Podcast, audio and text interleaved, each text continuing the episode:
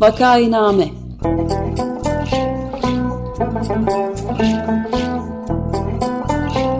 Salgın günlerinde memleket manzaraları.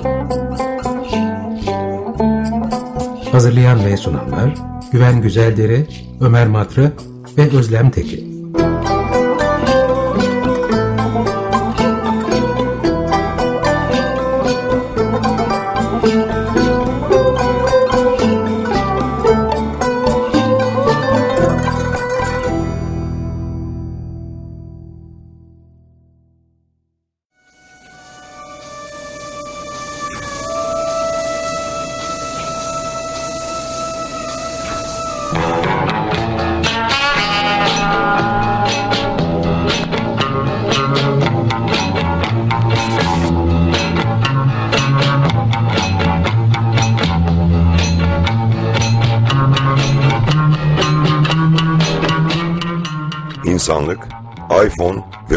obezite çağına kolay ulaşmadı. Enerji içecekleri ve fitness salonlarına sahip olabilmek için çok meşakkat çekti. Kimilerine göre bütün acıların sorumlusu kendisinden daha barışçıl olan Neandertal insanını kafa göz yararak tarih sahnesinden silen Homo sapiens sapiens'ti. Ya da ortada kabahat yoktu, doğal, hükmünü yürütmüştü. Kimilerine göre ise Tanrı sorumluydu. Daha sonra cezalandırabilmek için insanın içine kafi miktarda kötülük koymuştu.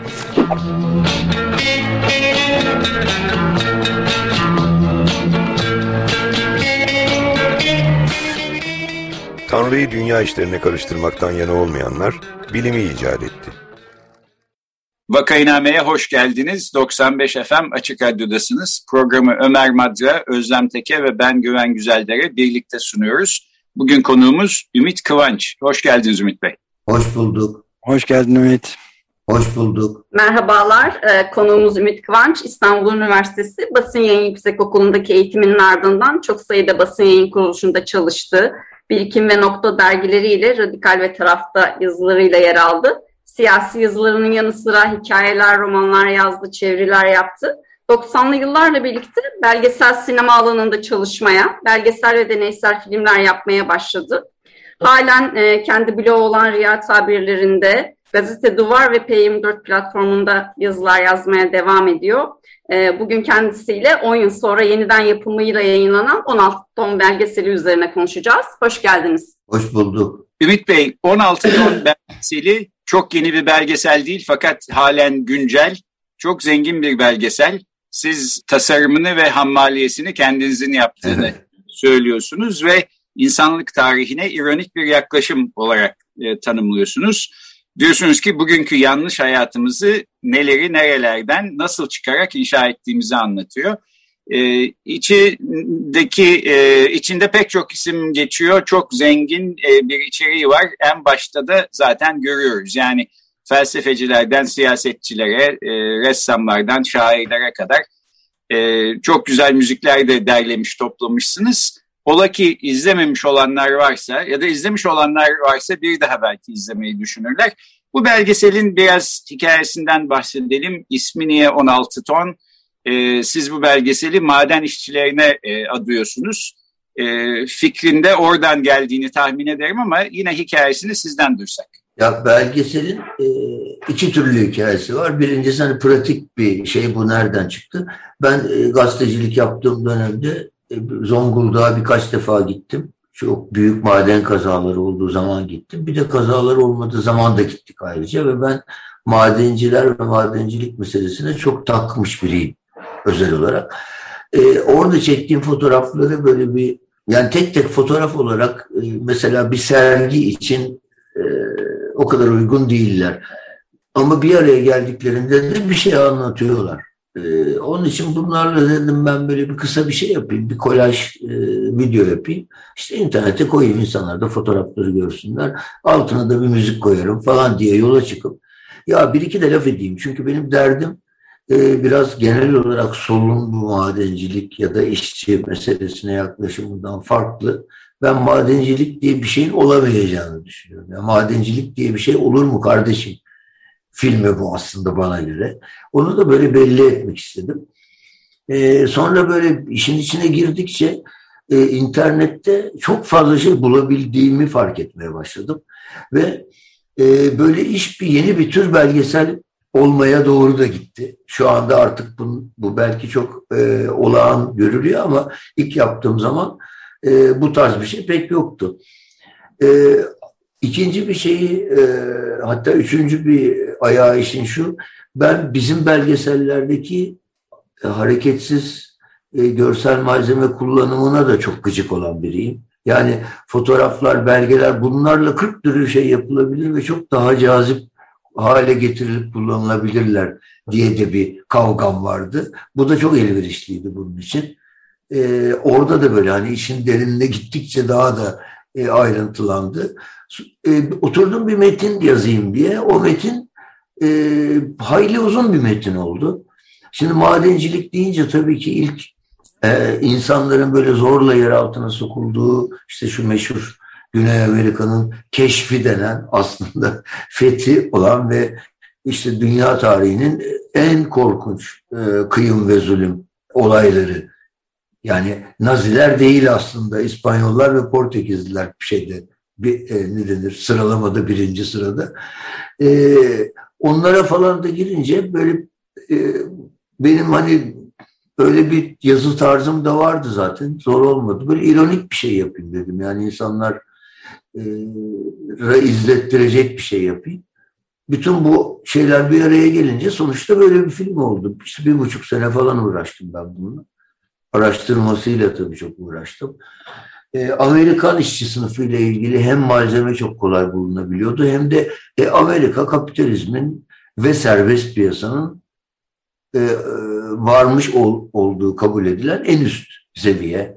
Yani oranın nasıl oluştuğunu kurcalarsanız bütün dünyadaki kapitalizm içinde yeterli ölçüyü verecek bir şeyler elde etmiş oluyorsunuz. Onun için de ağırlık oradan. Ee, böyle bir şey ortaya çıktı.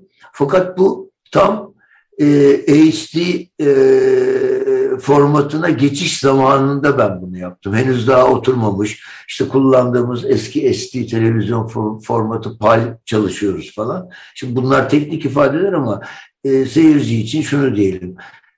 Eski televizyonlarla şimdinin dar, büyük, şeysiz, derinliksiz e, televizyonlarına geçiş zamanı gibi. E, bu böyle içimde ukde olarak benim kaldı. Ya bu böyle eski malzemeyle yaptık. Bir de o zaman küçük malzeme bulunabiliyordu internetten daha çok. Yani görsel olarak video falan çok az bulunabiliyordu. E, fotoğraf ya da işte hareketsiz görüntüde küçük e, çözünürlüğü düşük falan e, bulunabiliyordu ve ben onları o boyutta bile kullanabilmek için çok fazla uğraşmıştım. Şimdi bu konu bir e, engin bir şey var önümüzde yani. E, malzeme konusunda hiçbir sıkıntınız yok. Çok daha güzel şeyler bulmak mümkün. E, ben de şeyde bu arada ustalaştım. Yani o zamanla kıyaslandığında. Bu animasyon e, faslında. E, onun için bunu böyle yeniden yapmak bir hayal olarak her zaman bende duruyordu. Bu salgın zamanı başlayınca böyle bir atıl kaldık bir süre açıdan da filan. Dedim buna girişeyim. Hani bitirebileceğimi bu kadar zamanda umarak da girişmedim aslında ama girişince oldu. E, kabaca yani çok yönlü olarak hikayesi bu. Evet aslında yani bu Türkiye'deki madencileri anlatan bir belgesel de olabilirdi. Fakat siz çok daha geniş bir açıyla yaklaşıyorsunuz. İnsanlık tarihinin başından başlayarak kapitalizmin doğuşu çerçevesi içinde Türk madenciliği de onun madenciliğinde evet. onun içine yere oturtuyorsunuz. Dolayısıyla içinde geçen isimlerde, müziklerde işte Cem Karaca da çalıyor ama mesela bu 16 ton e, isimli e, şarkıya evet. da e, birkaç o yorumuyla. eksik bıraktım. Doğru. Evet, e, şey yer veriyorsunuz. Nereden geliyor sahiden ismi biraz bundan bahsetsek. Ee, şöyle söyleyeyim. Şimdi ben bunu yapmaya girişince onu tabii ki eksik bıraktım. Çok önemli bir ayağını. Çünkü film sadece bir insanlık tarihi, serbest piyasa, madencilerden ibaret değil. Bir de 16 ton şarkısının hikayesi aslında film. Ee, o 16 Tons bu bir zamanın hit parçası. Yani popüler düzeyde hit olmuş ve zamanında o güne kadar en çok satmış plak durumuna filan gelmiş bir parça. Şimdi ben başım baştan hiç bu benim aklımda yoktu. Böyle ya madenci müzikleri bulayım filan diye araştırırken birdenbire Sixteen Toes, aa hakikaten bu filan derken e, tabii ki şöyle bir şey. O parça zamanında hit olduğu için bunu söylemeyen yok. Yani ben böyle bir birkaç hafta içinde 45 versiyon filan bulmuştum internetten. O parçanın şeyini okuyunca hikayesini biraz o da çok ilginç geldi bana. Ve parçanın de, çeşitli versiyonları aslında böyle e, mesela hiç o çok gayet sert bir şey anlatıyor aslında parça. Ya 16 ton e, çıkardım bugün. İşte ne işe yaradı? Biraz daha borçlandım. Bir gün daha yaşlandım falan.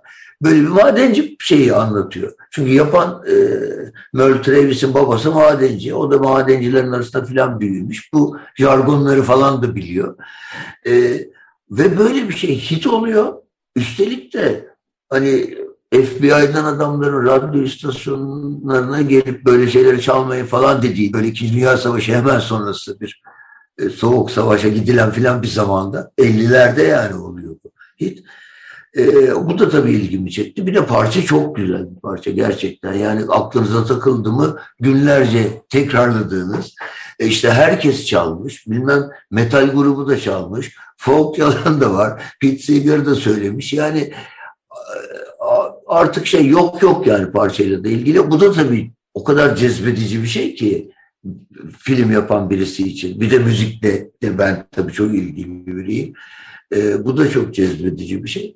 E, işte ikisini bir arada işleyince de çok başka bir türlü bir bileşim çıktı ortaya yani. İyi bir, başarılı bir bileşim oldu. Hani evet, izleyenlerin yani, de şu ana kadar şeyin. Bütün ruhumu satmış durumdayım şeye, şirketin Kantinle şey diyor. Antikapitalist e, muazzam bir şarkı yani. Yani bizim kültürde söylersek hani Azrail e, beni alamazsın. Çünkü ruhum rehin şirket, şeyde, şirket dükkanında şirket falan diye. Dükkanında rehin, sen evet. Peter diye söylüyor da. Evet. evet. Çok e, tabii parça da çok güzel. Parçanın meşhur olan versiyonu da çok güzel. Yani sözlerinden bağımsız olarak bu Tennessee Ford gibi bir yerel te, e, televizyon e, yıldızı gibi bir şey. Yıldız demek bile abartılı parçayı meşhur ettiği sırada. Sonradan tabii alıp yürüyor bu parça sayesinde. Ee, evet ben de burada hemen küçük bir reklam duyurusunda bulunayım o zaman. Bundan gayrı pazar geceleri benim de parçası olduğum bir müzik programımız var Açık Radyo'da. Bu pazar 16 Tons şarkısının birkaç versiyonunu çalacağım bu programın da şerefine. Evet vallahi çalın. Çok bir de onları ardarda arda dinlemek de çok zevkli oluyor. Evet yani muazzam bir çeşitlilik var filmde aslında. Evet. Benden yani, isterseniz birkaç versiyon ben de verebilirim size ayrıca. Tamam teşekkür ederiz. Olur. Evet müthiş yani ben e, gençlik dönemimde e, tamamen biliyordum zaten meşhur parça. Benim de hit listemden, kendi özel listemde birinci sırada yer aldı bir ara. Deniz Tennessee Ernie Ford ama bu an de, değişik versiyonlarını katiyen bilmiyordum. Bu sayende öğrenmiş oldum. Bu vesileyle kişisel şeye girmişken iki şey söylemek istiyorum. Bir tanesi filmde yani benim bütün hayatımı e, derinlemesine etkilemiş bir olay var. E, yani hayatımda ilk defa 1965'te sokağa çıkmam ve protesto hareketine katılmam bu Kozlu'da işçilerin, maden işçilerin katledilmesi jandarma tarafından üzerine. Ve müteveffa annem e, bir fotoğraf bulduydu e, gösterdi bana. Ben hiç hatırlamıyordum. Bayağı böyle son derece iyi kıyafet. Neredeyse kravatımız eksik. Kızılay'a doğru yürüyoruz ama bizden çok polis var. Etrafta Frukolar falan var. Ama bir, sokağa çıkış o çıkış. Yani ben 1965'ten beri evet. bir türlü eve giremiyorum. Çocuğum akşam akşam oldu eve dön ben giremiyorum hala sokaktayım. Bir tanesi bu yani.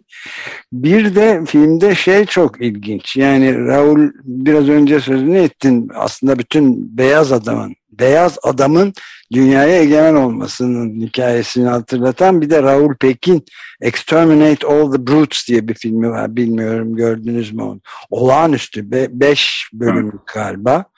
Ve orada e, tümüyle yarı ironik ama çok da sert sahnelerle dolu ve işte bu şeyin e, Joseph Conrad'ın ünlü Belçika'da Kongo'daki korkunç e, sömürgeciliği anlatan e, filmi e, filminden alınma bir sözler zaten Karanlığın Yüreği diye başlıyor. Onu da hatırlatıyor film. Açıdan da etkileyici. Benim açımdan böyle iki komanterde yorumda bulunmak istedim.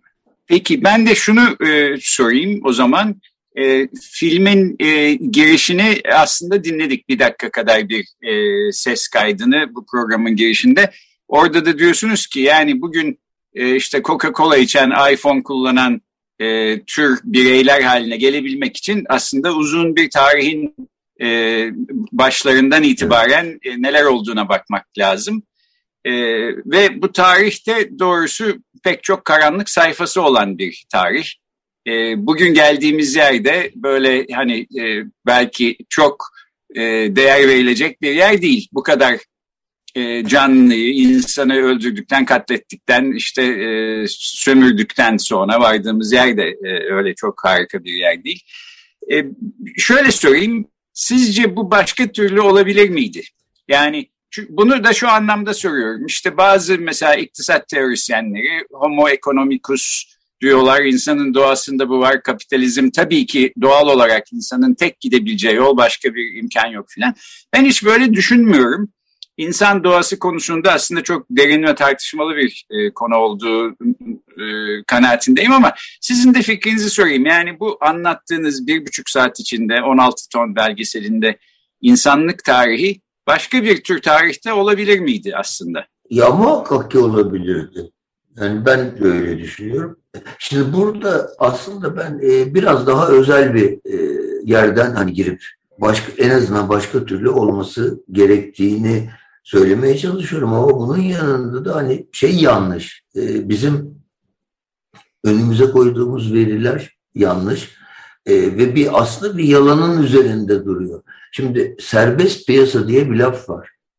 Hani ben filmde de göstermeye çalışıyorum ki serbest piyasa diye bir şey yok. Birileri buna itiraz edince silahla öldürülüyorlar gelini. Ve siz maden e, mesela maden diye bir şey var. Şimdi çok enteresan bir durum vardır. Bu filmin bir sürü yerde gösterimi yapıldı. Ben bunu da hep anlatıyorum.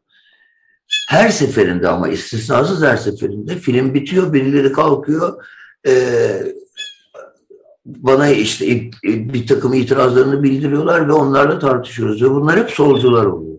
Çünkü vay işte maden işçilerinin kahramanlığını bilmem neyi. Ya maden işçisi peki maden ben madencilik diye bir şey olmaz kardeşim diyorum. Film de onu diyor zaten. Onlar da diyor ki nasıl olmaz işte maden. Peki diyorum sen mi ineceksin madene? Hayır başkası inecek. Şimdi biz aslında bütün kapitalizm mantığını biz burada buluyoruz en çıplak haliyle. Madene kim inmiş? Esir inmiş. Esir. Yani yabancı ordu gelmiş, orayı işgal etmiş, adamları Öyle madene de. sokmuş. Şu kadar çıkarmazsan öldüreceğim diye öldürmüştü zaten. O kadar çıkaramayınca. Şimdi oradan başlıyor ve madenciliğin kapitalizm için ne kadar kilit bir şey olduğunu düşünelim. Şimdi bugün artık çok sınırlı madenler çok hayati rol oynuyor. Ama aynı şey çocuklar iniyor madene Afrika'da. Ondan sonra iPhone yapılıyor işte oradan çıkan malzeme. Şimdi o, o zaman daha da şeydi. Hani olmazsa olmaz bir şeydi. Hani işte demir, çelik, sanayi falan hani bunlar nasıl gelişti? Madencilik olmadan. E madene kim indi? Madene inenlerin bütün dünyada ortak bir tane özelliği var. Madene inmek zorunda olanlar. Ya silah zoruyla ya da bizdeki gibi başka iş bırakmıyorsun. Yem yeşil, deniz kenarı falan bir bölgede insanlar işsiz. Hiçbir iş yok başka. Biz gittik Yine hep anlattığım bir şey. Evine gittik ölen işçinin. Orada babası yatıyor. İşte madenci hastalığı böyle nefes aldığı zaman ev titriyor. Öyle sesler çıkıyor. Adam ölmüş. Genç adam. 30 yaşlarında filan bir madenci. Onun karısı çocukları falan orada. Komşular orada. Adamın amcası yani orada yatanın kardeşi, ölenin de amcası bizi gazetecileri kenara çekip işte bizim çocukları madene almıyorlar, hep kendi akrabalarını alıyorlar, bizimkileri alsınlar yazın falan diye bize onu söylüyor. Şimdi başka iş yok çünkü. Evet. Şimdi bu durum bu. Ya maden dediğimiz şey bu. Başka işler de böyle.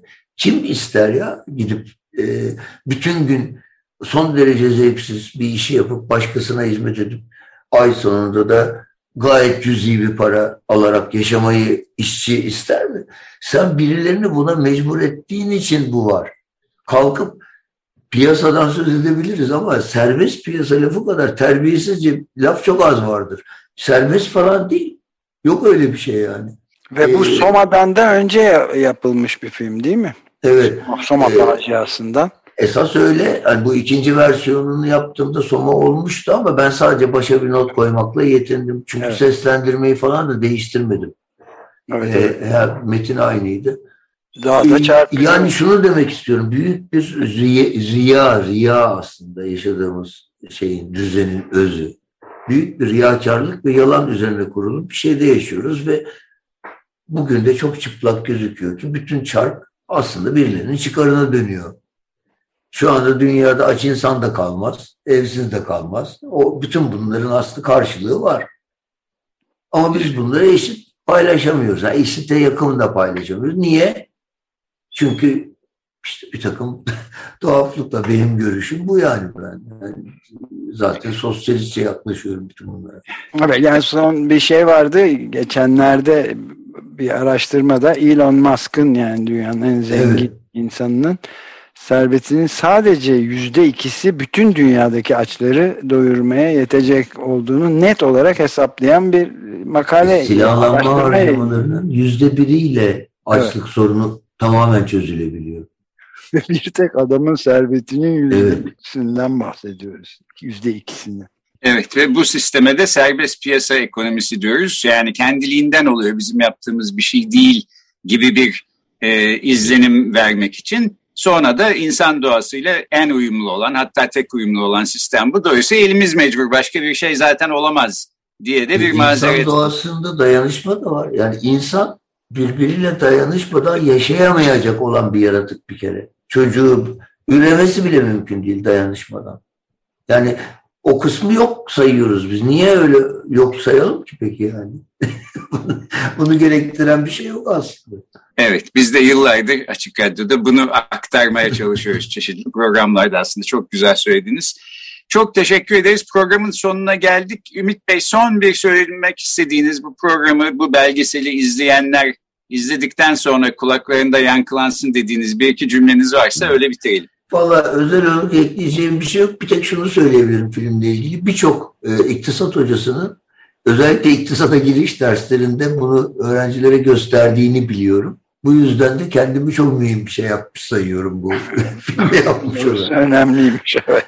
Evet müthiş bir uyarıcı e, gö- iş görebileceğini düşünüyorum ve umuyorum.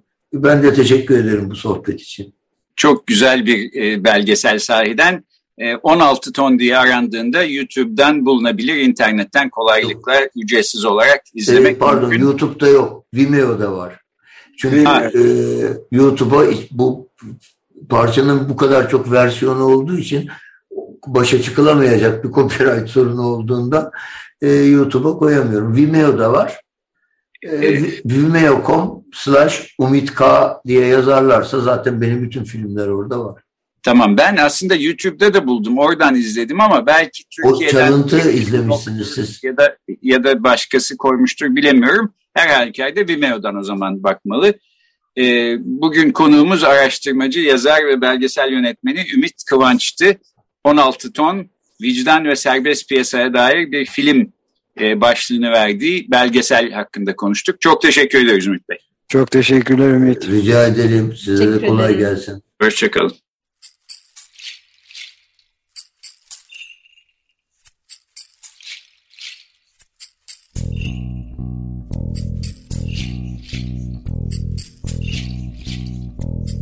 Vakainame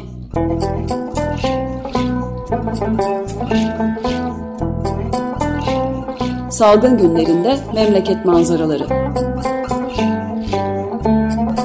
Hazırlayan ve sunanlar Güven Güzeldere, Ömer Madra ve Özlem Tekin.